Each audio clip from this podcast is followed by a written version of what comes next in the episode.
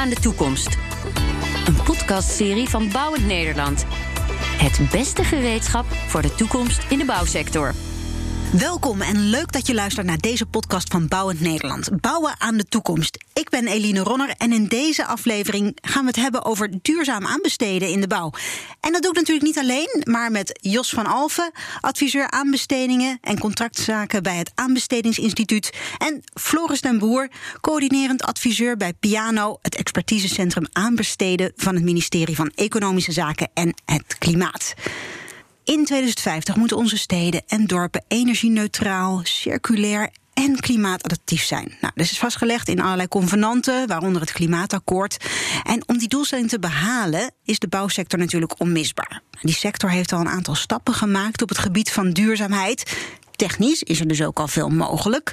Maar als er bij een project gevraagd wordt om dit voor de laagste prijs uit te voeren, dan krijg je toch vaak niet de duurzame oplossingen die we nodig hebben. Kortom, het gunnen op de laagste prijs, dat wint het vaak nog steeds. Jos, hoe verklaar je dat? Ja, dat is vooral ingesleten gedrag. We hebben decennia lang onze bestekschrijvers opgevoed om alles in het diepste detail vast te leggen.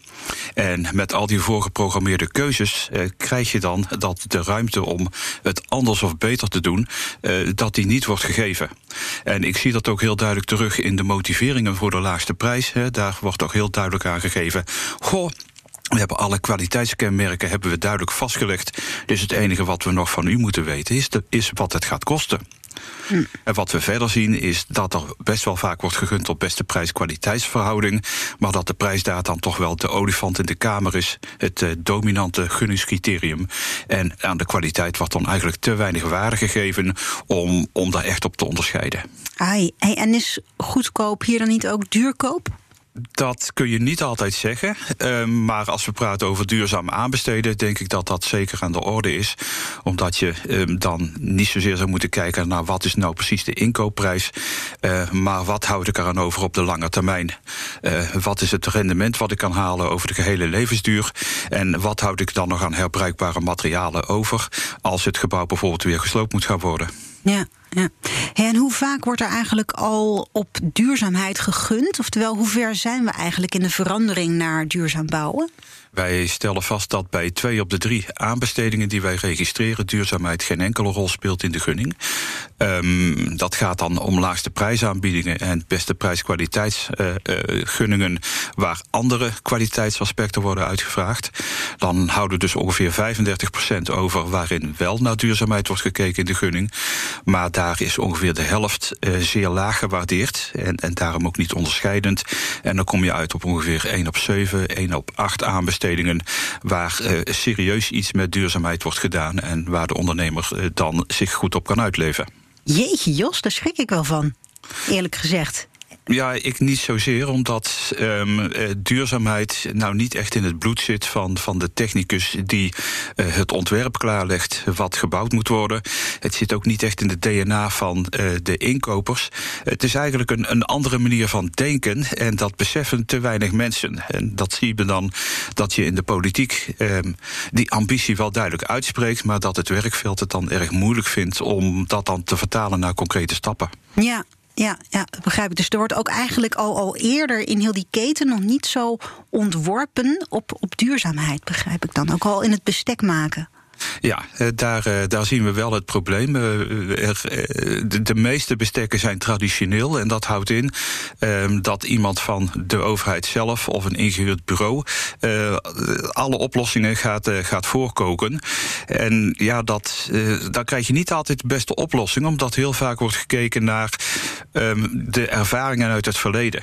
En je moet eigenlijk ook kijken naar de mogelijkheden van de toekomst. Ja, ja precies. Want steeds maar gewoon eigenlijk in je comfortzone blijven en kijken naar, naar hoe je het altijd deed. Dat lijkt me fnuikend voor de innovatiekracht. Het is wel fnuikend, hè, maar we hebben ook wel te maken met een overbelast ambtenarenapparaat. die gewoon eh, steeds meer moet doen met steeds minder mankracht. En dan is de automatische piloot wel een, eh, een hele fijne oplossing om, om snel te schakelen. Ja, ja, inderdaad. Maar goed, uiteindelijk willen we natuurlijk wel vooruitkijken. Um, hoe kunnen we er nou voor zorgen dat ondernemingen zich blijven ontwikkelen op het gebied van duurzaamheid en duurzame innovatie? Floris, heb jij daar misschien ideeën over? Nou, ik denk dat het, uh, het vertrekpunt heel duidelijk moet zijn van wat is onze ambitie? Waar willen we naartoe? En het hebben van een duidelijke stip op de horizon kan voor zowel die ambtenaren als voor de markt een mooi richtpunt zijn waar je op gaat, uh, op gaat richten. Maar daar begint het wat mij betreft niet bij. De tweede stap is ook gun de ambtenaren, gun de bedrijven... de ruimte om te leren, te experimenteren... nieuwe richtingen te verkennen... waarbij het ook mogelijk moet zijn om uh, fouten te maken. Een innovatie uh, is onbewezen. Een innovatie kan mislukken. En als we onszelf de ruimte niet gunnen om af en toe een weg te kiezen die we nog niet kennen, ja, dan is het te langzaam om, uh, om die stappen echt te, te zetten. Ja, en waar zie je dan in de publieke sector de grootste uitdagingen en kansen? Nou, als ik kijk van waar zitten de grootste uitdagingen, dan denk ik echt uh, van hoe gaan we dat binnen die publieke sector goed inregelen, dat alle betrokkenen spelers binnen die overheid weten wat ze moeten gaan doen. We zien dat het soms gewoon lastig is als bijvoorbeeld de inkoper of de projectleider wel de ambitie meekrijgt van gij uh, zal dit project zo duurzaam mogelijk realiseren.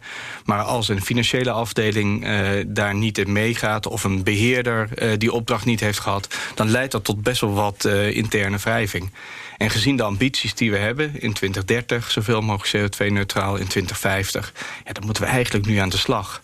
Het kost echt best wel wat jaren voordat je een innovatieve oplossing werkend bewezen hebt. En die tijd die hebben we bijna niet meer. En welke spelers hebben we eigenlijk als het gaat om duurzamer inkopen in de bouw? Eh, welke spelers we allemaal hebben, dan denk ik aan de ene kant zeg maar, die publieke opdrachtgever. Ja. En dan eigenlijk de verschillende betrokkenen bij die publieke opdrachtgever. Maar we hebben natuurlijk ook de leveranciers die een belangrijke rol spelen en de kennisinstituten. En natuurlijk de toeleveranciers. Het zijn grote ketens met veel uh, spelers. Binnen die organisaties hebben we ook weer veel medewerkers die daar rollen vervullen. Ja, iedereen zal daar zijn steentje aan moeten bijdragen. En het zitten wachten tot het komt, is volgens mij te langzaam. Ja, mij ja. beter is sneller gewoon nu stappen te gaan zetten. Ja, want uiteindelijk willen we dus al die spelers eigenlijk naar diezelfde stip op die horizon krijgen. Zodat iedereen met elkaar gaat, uh, gaat samenwerken naar een duurzamere toekomst. En hoe zouden we dan toch, toch dat, dat voor elkaar kunnen krijgen? Hebben jullie daar ook al ideeën over? Nou, laat ik om te beginnen zeggen dat het voor, uh, voor bouwers eigenlijk een no-brainer is. Uh, die stip op de horizon is er, die verdwijnt niet. Uh, ook al ben je teleurgesteld over het tempo waarin die ontwikkelingen verlopen. vanuit het denken over de middellange en de lange termijn moet je als bouwbedrijf gewoon voorbereid zijn op die toekomst. Want die vraag die gaat gewoon komen, die wordt steeds nadrukkelijker. En je moet, ja, als je echt wilt scoren, moet je gewoon in de kopgroep blijven zitten. Um, waar het lastig is voor de bouwers, is om die keten van toeleveranciers en, andere partijen. om die uh, warm te maken en warm te houden. om hun uh, research te doen en naar betere producten toe te gaan. Want dat zijn wel bedrijven die gewoon ja, een, een investering moeten laten renderen. En als zij producten op de plank neerleggen en die worden niet afgenomen. Uh, simpelweg omdat de opdrachtgever er nog niet klaar voor is. Ja, dat doe je een paar keer en daarna gaat de handremmen wel op. Ja, ja dat begrijp ik. Ja, het is daar natuurlijk toch ook gewoon zijn het, zijn bedrijven. En een van die bouwbedrijven met wel een hele duidelijke duurzame ambitie. Dat is Heijmans. En directeur procurement bij Heijmans, Esther Donders, die zei daar eerder het volgende over bij ons. Heijmans die zet in op 100% circulariteit. Dat is, uh, dat is onze ambitie. En um, om daar te komen lopen er binnen de organisatie een groot aantal uh, projecten. Ja, hoe kom je daar dan? Hè? Wat is daar dan voor nodig? Uh, nou, allereerst is het natuurlijk belangrijk om te kijken naar de opdrachtgeverskant. en zij kunnen door op een bepaalde manier uit te vragen... enorm stimuleren dat bedrijven dit onderwerp oppakken en daarmee aan de gang gaan. Um, als het afwegingskader wordt gehanteerd, wat altijd is gehanteerd... dan koop je wat je kocht en dan krijg je dus wat je kreeg. Dus daarmee um, komt er niet bepaald een versnelling op gang op het gebied van verduurzaming. En uh, nou, daar speelt de opdrachtgever en de overheid een hele belangrijke rol. Daarnaast is het belangrijk dat de supply chain wordt meegenomen. Is het dus heel belangrijk om na te denken over welke vraag ga je in die supply chain uh, neerleggen. Die hele chain moet in beweging komen om ook uh, deze doelstelling te bereiken. Is een uh, optelsom van een heleboel verschillende en losse onderdelen. Daarvoor is nodig dat de overheid een soort level playing field uh, creëert. Dus een gelijk speelveld door heldere meetmethodieken, regelgeving, definities. Dat is niet alleen een landelijk issue, dat is ook een internationaal issue. Heel veel van de productie vindt plaats in andere landen. Belangrijk is dat dat versneld gebeurt, zodat de markt zich daar ook op kan voorbereiden. Hoe kunnen we van leveranciers verwachten dat zij zich voorbereiden en investeren als zij niet weten waarvoor? Voor die ondernemingen zelf is er ook werk aan de winkel. Die kunnen die verduurzaming versnellen. Dan krijgt bouwen een meer repeterend karakter en kan de supply chain zich daarop inrichten en investeren in verdere verduurzaming. Ja, Esther Donders geeft het ook al aan. Hè? Als er niks verandert, dan blijf je kopen wat je kocht. En krijg je wat je altijd al kreeg. En wordt het er allemaal niet duurzamer op. Floris Esther die geeft ook aan dat de opdrachtgever en de overheid een belangrijke rol spelen. in het sneller duurzaam maken van de sector. Pakken opdrachtgevers die rol al, wat jou betreft? Nou, we zijn blij om te zien dat opdrachtgevers steeds vaker het initiatief pakken. Uh, wij als Piano zijn samen met Rijkswaterstaat en RVO uh, afgelopen jaar begonnen met uh, het inrichten van 13 buyer groups, waarin collectieven van publieke opdrachtgevers samen nadenken en de markt betrekken om die verduurzaming te realiseren. Ook de transitiepaden die bij het Rijk zijn, die geven al mooie concrete invulling hierin. Alleen die opdrachtgever die kan niet alleen. De markt uh, moet ook uh, moet je meenemen. En duidelijk zijn wat we willen. En verder moeten we realiseren, in Nederland is ook maar een klein landje. Alle Nederlandse publieke opdrachtgevers samen, dat, dat zijn natuurlijk nog maar een paar kleine opdrachtgevers op een, op een wereldschaal of op een Europese schaal. Willen we verduurzaming in bijvoorbeeld het zware materieel, beton, gebouwinstallaties, uh, een, een, stap zetten, moeten we kijken hoe we die internationale waardeketen ook een duw kunnen geven. En ik pleit dan ook voor dat publieke opdrachtgevers in Nederland de collega's zoeken in Europa. Om te kijken van hoe kunnen we samen die stap zetten en hoe kunnen we samen dat met de markt realiseren. Ja, en hebben we daar ook al een, een Europees platform voor? Nou, met Piano hebben we hele goede contacten met onze collega's uh, van uh, tien Europese landen die de vergelijkbare ambities hebben. We zijn bezig met het werken van het zogenaamde Big Buyer Networks, waarin die publieke opdrachtgevers elkaar beter leren kennen en uh, beter gezamenlijk hun ambities kunnen afstemmen. Ja, hoe staan wij daar eigenlijk uh, internationaal op, op het gebied van duurzaam aanbesteden? Nou, de wereld kijkt behoorlijk naar Nederland, hoe wij het doen. Uh, vooral hoe wij het samen met de markt doen. De tooling die wij in Nederland hebben ontwikkeld. Uh, daar, daar willen andere landen veel van leren. Maar ik denk dat wij niet als Nederland blind moeten zijn naar ons eigen succes. En ook onze ogen open moeten hebben naar het buitenland. En zeker in de Nordics gebeuren hele interessante dingen. In uh, Noorwegen, Zweden, Finland. Daar kunnen, we, kunnen wij ook als Nederland van leren. Ja, zijn er dan ook, ook voorbeelden waarvan je denkt... oh, dat zou ik heel graag naar Nederland halen? Nou, als ik kijk van wat zou ik graag naar Nederland willen halen... dan denk ik aan het initiatief wat bijvoorbeeld in uh, Noorwegen in 2013 al begonnen is. En dat is eigenlijk het initiatief wat wij nu in Nederland proberen te kopiëren... rondom die buyer groups. In 2013 zei de gemeente Oslo... wij willen graag zero-emissie bouwmateriaal hebben in de stad. Elektrische shovels, elektrische heimachines. En met dat verhaal stapten ze naar de markt... En de markt reageerde, onze R&D-afdeling is eigenlijk kunnen we hem niet inzetten voor jou alleen als publieke opdrachtgever. We hebben meer schaal nodig. Het gevolg was dat Oslo naar de centrale overheid daar stapte en zei van zullen we kijken wie nog meer mee wil doen. En toen hebben ze tien uh, andere gemeentes zover gevonden om dat te zeggen van deze ambitie delen wij. En dat is uiteindelijk nu gegroeid naar uh, het initiatief wat breed in uh, Noord-Europa plaatsvindt. En ook Nederlandse overheden haken daar nu bij aan. Dat vind ja. ik heel erg mooi. Ja, ja, dat is inderdaad wel een mooi gaaf voorbeeld van in die zin ook echt een heel mooi publiek-private samenwerking. Hey, en hoe wordt het verduurzamen van de bouw op dit moment bij ons gestimuleerd door de overheid? Nou, als overheid aan de ene kant bieden we hoop kennis van hoe moet je het doen. Daar hebben we afgelopen jaren als piano, maar ook samen met Rijkswaterstaat, samen met de RVO hard aan getrokken. Um, aan de andere kant hebben we ook nog die ondersteuning via die biogroups, wat ik net zei. En verder vindt er veel uh, kennisuitwisseling plaats samen met de markt. Ook biedt EZK een stuk cofinanciering uh, bij het doen van innovatiecompetities. Dus nou, er zit een hoop beweging in. En ik ben erg hoopvol gestemd. Ja, ja dat, dat vind ik ook wel een mooi hoopvol iets. Hè. Internationaal gezien doen we het eigenlijk best wel goed. Tuurlijk, we hebben nog heel veel werk aan de winkel. Hey, en Heijmans is een grote jongen in de bouwwereld... met heel veel bouwprojecten bij, van de overheid. Dus het is misschien niet zo heel erg gek dat zij heel duurzame ambities hebben. Jos, merk jij dat er ook bij kleinere ondernemingen een toenemende belangstelling is voor duurzaam aanbesteden. Absoluut, en ze zijn er ook duidelijk succesvol in. Um, de kleinere bedrijven die hebben hele goede contacten met de regionale, lokale overheden bij hen in de buurt. En wat zij doen is uh, hun opdrachtgevers meenemen in de innovatieve ontwikkelingen die er zijn. En ze bieden zich ook heel duidelijk aan als een partner om mee samen te werken. En uh, ja, een van de succesfactoren waar, waar bouwers heel blij mee zijn, is de toenemende belangstelling en het toenemend gebruik van bouwteams waarin opdrachtgevers en ondernemers gezamenlijk uh, werken aan een oplossing die zo duurzaam mogelijk is. Dat komt steeds meer voor en uh, dat wordt onder andere ook gedragen door het vertrouwen die opdrachtgevers hebben in de kwaliteiten van, van juist het midden- en kleinbedrijf. Ja, en waar, waar lopen ze dan tegenaan bij, bij, bij opdrachtnemers? Het is natuurlijk ook niet allemaal Hosanna allemaal. Het is niet allemaal Hosanna. Waar de bouw wel behoefte heeft, is aan een vermindering van de fragmentatie van, uh, van initiatieven. Um, wat meer uh, uniformering in de vragen die aan de markt worden gesteld. Uh, dat zou hen enorm helpen om dat stapje hoger op te komen.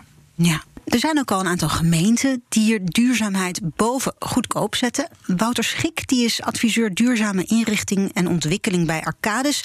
En de afgelopen 3,5 jaar was hij actief bij de gemeente Amersfoort als stimulator duurzaamheid. En hij zegt het volgende over verduurzaming in Amersfoort. In Amersfoort uh, gaat het echt om de, wat we dan noemen de, de basis op orde en de bodem omhoog. Dus het is vaak heel sexy om heel innovatief uit te vragen... om met hele spannende dingen te komen. Maar dat is niet waar wij voor, uh, voor gaan. We proberen echt voor elk project, hoe klein ook... proberen dat daar duurzaamheid in verankerd is. En daar steeds weer van te leren. En steeds wat we dan doen, is die bodem omhoog te krijgen. Dus dan eisen of gunningscriteria weer aan te kunnen, kunnen scherpen. Maar dat doen we om het dan binnen de organisatie ook liefst zo simpel mogelijk te houden. Zodat iedereen dat ook gewoon kan oppakken en kan, kan meekomen. Uh, dus ook in die, die hele kleine projecten of in een beheerproject of uh, wat het dan ook kan, uh, kan zijn. Nou ja, wat dan belangrijk ook is, is dat je daarbij, wat ik al zei, niet te moeilijk maakt, maar dat je daardoor ook zorgt dat er successen komen. Want als, als er iets motiveert, is het wel een succes. Dus wat ik net al zei, als je dan merkt van hé, hey, de goedkoopste is ook de beste. Nou ja, daar worden mensen natuurlijk blij van en dat smaakt naar, naar meer. Dat lijkt mij ook dat dat naar meer smaakt als uh, duurzaam niet per se duur hoeft te zijn. Floris, wat moet de gemeente wat jou betreft doen om het uitvragen en beoordelen van diverse projecten duurzamer te maken? Waar we de afgelopen jaren veel op in hebben gezet... en dat is ook best wel mooie resultaten mee bereikt... met een bottom-up benadering. Per aanbesteding kijken, wat kunnen we bereiken... waar liggen de kansen uh, en hoe kan je daar op een slimme manier invulling aan geven. Ik denk dat het verstandig is om daarnaast ook een meer top-down benadering te introduceren. Waarin uh, publieke opdrachtgevers over een hele beleidsportefeuille heen gaan kijken... van waar zit nou onze CO2-voetafdruk? Waar zit nou ons materiaalgebruik? En op basis van die inzichten ta concrete targets te gaan stellen... van waar gaan we reduceren en wat gaan we op korte termijn echt doen. Bijvoorbeeld CO2-voetafdruk reduceren bij het onderhoud van wegen. En maak dat dan smart. Er gaat 20% af ten opzichte van wat we tot nu toe hebben gedaan. En tenslotte is eigenlijk de kwestie de aanbestedingen dan naar die doelstellingen in te richten. Nou, de tooling is er gelukkig al. En als die tooling er niet is, zou ik pleiten voor spring af en toe in het diepe verkent samen met de markt, samen met kennisinstellingen, wat er mogelijk is en hoe je daar komt. En ook daarvoor zijn hele mooie instrumenten, als het innovatiepartnerschap, de SBR-aanpak, waar we veel mee eh, kunnen doen. Ja, ja, echt een voortrekkersrol uh, zie ik het dan zo. En zorgt een gemeente op deze manier dan niet ook voor een boost op het gebied van duurzaam inkopen? Ja, mijn beleving is dat eh, bij het stellen van concrete doelen en het, het, het, definiëren van een ambitie om de organisatie zelf te verduurzamen en ook de keten die dan daarachter zit om die doelstellingen voor de organisatie te realiseren, ja, dat je uiteindelijk ook maar uh, daar invulling aan kan geven door het duurzaam in te kopen. Een duurzame ambitie hebben ja, dat is wel erg lastig als je niet de markt daarin meeneemt. Ik heb nog nooit een ambtenaar met een schop in de hand uh, een weg zien aanleggen. Dat doe je toch samen met de markt. Ja, ja klopt. Ja, Zo'n stip op de horizon is mooi, maar het is wel fijn als je inderdaad met concrete doelen daar ook naartoe kan werken, kan ik maar indenken. En een onderneming die zich al aan het onderscheiden is op het gebied van duurzaamheid, dat is Maurik Infra. Theo Bloemsma, hij is manager project lidbedrijf Maurik Infra. Die zegt het volgende over de stimulans van de overheid in het verduurzamen. We worden zeker gestimuleerd door de overheid. Dat gaat zeker via de projecten en aanbestedingen. Probeert de overheid echt te stimuleren. Uh, je ziet dat zij ook die opgave voelen. Uh, dus daar ligt het probleem niet. De vraag is of we dat via de projecten voor elkaar krijgen. Hoe het wel zou kunnen is denk ik dat je gewoon eisen stelt. Uh, wetgeving is vele malen krachtiger dan aanbesteden. Dus uh, CO2-heffingen, straffen op uitstoot van CO2 of andere emissies. daar zijn we toch als maatschappij heel gevoelig voor. Dat geldt voor jou en voor mij ook. Als we te hard rijden vinden we het toch echt zonde als we een boete hebben gehad. Ja, dat is duidelijke taal. Floris, waarom is er eigenlijk geen landelijke wetgeving die helpt bij het verduurzamen? Nou, de aanbestedingswetgeving biedt in principe heel veel ruimte om duurzaamheidscriteria te stellen als publieke opdrachtgever in aanbestedingsprocedures. Maar als je kijkt van uh, verduurzamingswetgeving heel specifiek op productgroepen, daar ken ik een aantal voorbeelden. Uh, zoals bijvoorbeeld de schone voertuigenrichtlijn die er nu, nu aankomt. En het bouwbesluit staan natuurlijk ook duurzaamheidsvoorschriften. Maar het is natuurlijk een politieke keuze hoe ver je daarin wil gaan en hoe actief je daarin wil sturen. Ja. Jos, vind jij ook dat er strengere wetgeving moet komen en straffen op de uitstoot van CO2? Ik vind de wetgeving heel lastig, want het duurt ontzettend lang voordat je een wet erdoor krijgt. Dus ik denk dat je veel eerder moet denken aan sturende maatregelen dan, dan echt een wettelijk kader. Um, wat ik heel duidelijk bespeur is dat uh, deze meneer uh, er een beetje te balen van heeft. Um, dat hij met zijn goede gedrag en zijn schone voertuigen uh, er in een aanbesteding van afvliegt. Ten opzichte van een partij die met goedkope walmbakken loopt te werken. En, en dat voelt vreemd aan, hè, dat je eigenlijk wordt gestraft voor het goede gedrag wat je etaleert. Uh, waar we in ieder geval naartoe moeten, is, is dat we in het aanbestedingsgebeuren de lat telkens hoger leggen. Net zoals we dat doen bij hoogspringen in de atletiek. Uh, als we merken dat iedereen een bepaalde horde goed kan nemen. Dan moeten die ambities omhoog. En dan moet dat ook heel duidelijk blijken. En dat geldt uiteraard ook voor de inzet van, uh, van schone voertuigen. Um, we moeten gewoon naar, naar betere niveaus. Tegelijkertijd alleen maar kijken naar hoe schoon een opdracht wordt uitgevoerd, is maar een heel klein deeltje van het duurzaamheidsvraagstuk.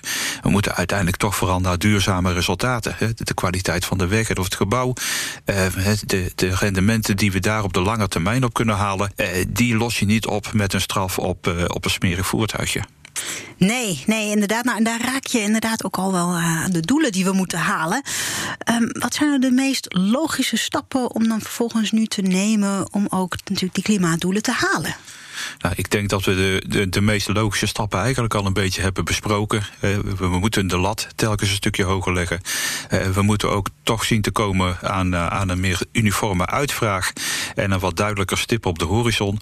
dat zijn wel de instrumenten waarmee je het ja, functioneel hoger kunt krijgen.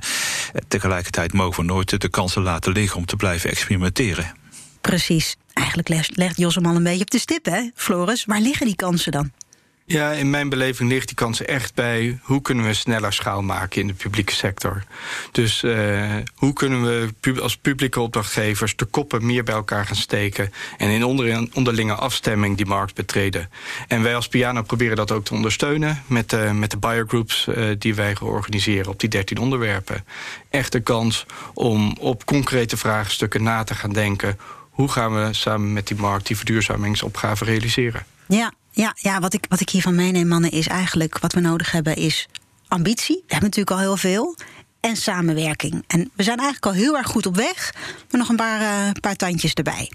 Hebben jullie tot slot nog een aantal tips waarmee we ervoor zouden kunnen zorgen dat we als Nederland alle duurzaamheidsambities waar gaan maken? Nou, ik denk dat we daar uh, uh, niet goed genoeg voor zijn om de oplossingen kant-en-klaar aan te reiken. Um, ik zelf uh, ben er wel een warm voorstander van om niet te wachten op de overheid, maar, maar gewoon nu al stappen te nemen die hoe dan ook kunnen. en een van mijn suggesties is dat je de contracten niet helemaal dichttimmert, maar gewoon een clausule erin opneemt die aangeeft van goh, als er verduurzamingskansen zijn, dan moeten we dat binnen het contract, moeten we die mogelijkheden ook gebruiken om ze, om ze toe te passen. Dat kan makkelijk, dat is juridisch heel goed af te dichten. En daar heeft niemand een centje pijn van. Uh, wat ik verder ook heel graag zie terugkeren, uh, een praktijk die vroeger heel vaak gebeurde en tegenwoordig bijna nooit, is dat ondernemers gewoon de kans krijgen om een alternatieve aanbieding te doen. Waarin ze zeggen van god, dat contract dat is op die en die punten een beetje makertjes.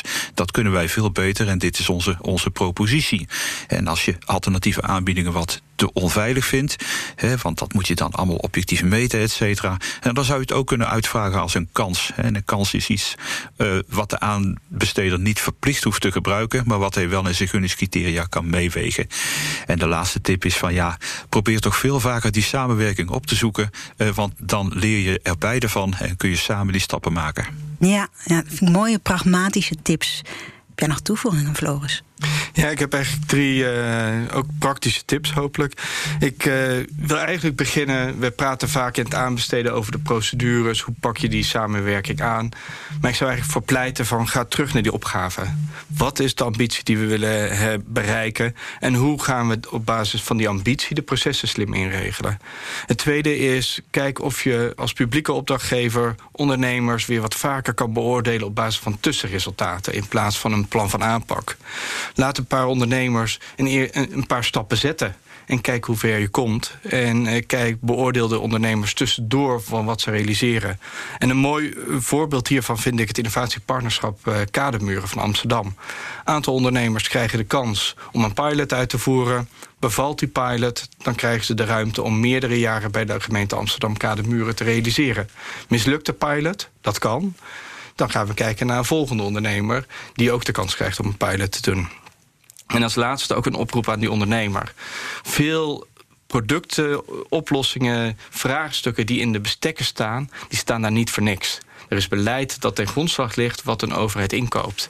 En in mijn pleidooi zou zijn: ondernemer, trek ook aan de bel in die beleidsvormende fase. Wanneer het handboek wegen, het handboek openbare ruimte opnieuw wordt vastgesteld, ga daarnaar kijken. En geef aan waar uh, het mogelijk knelt voor je duurzame oplossing. Ja, nou, pragmatische tips, allebei. Daarmee zijn we alweer aan het einde gekomen van deze podcast... uit de podcastserie Bouwen aan de toekomst van Bouwend Nederland. Bedankt, Jos van Alfen, adviseur aanbestedingen en contractzaken bij het Aanbestedingsinstituut. En Florence de Boer, coördinerend adviseur bij Piano, het expertisecentrum aanbesteden van het ministerie van Economische Zaken en Klimaat. Beluister deze en andere podcasts in de serie Bouwen aan de Toekomst op bouwendnederland.nl/slash bouwmeesters of ga naar de BNR-app en de BNR-website. Meer over de ontwikkelingen in de bouwsector en andere afleveringen in deze podcastserie staan voor je klaar op bouwendnederland.nl/slash podcast.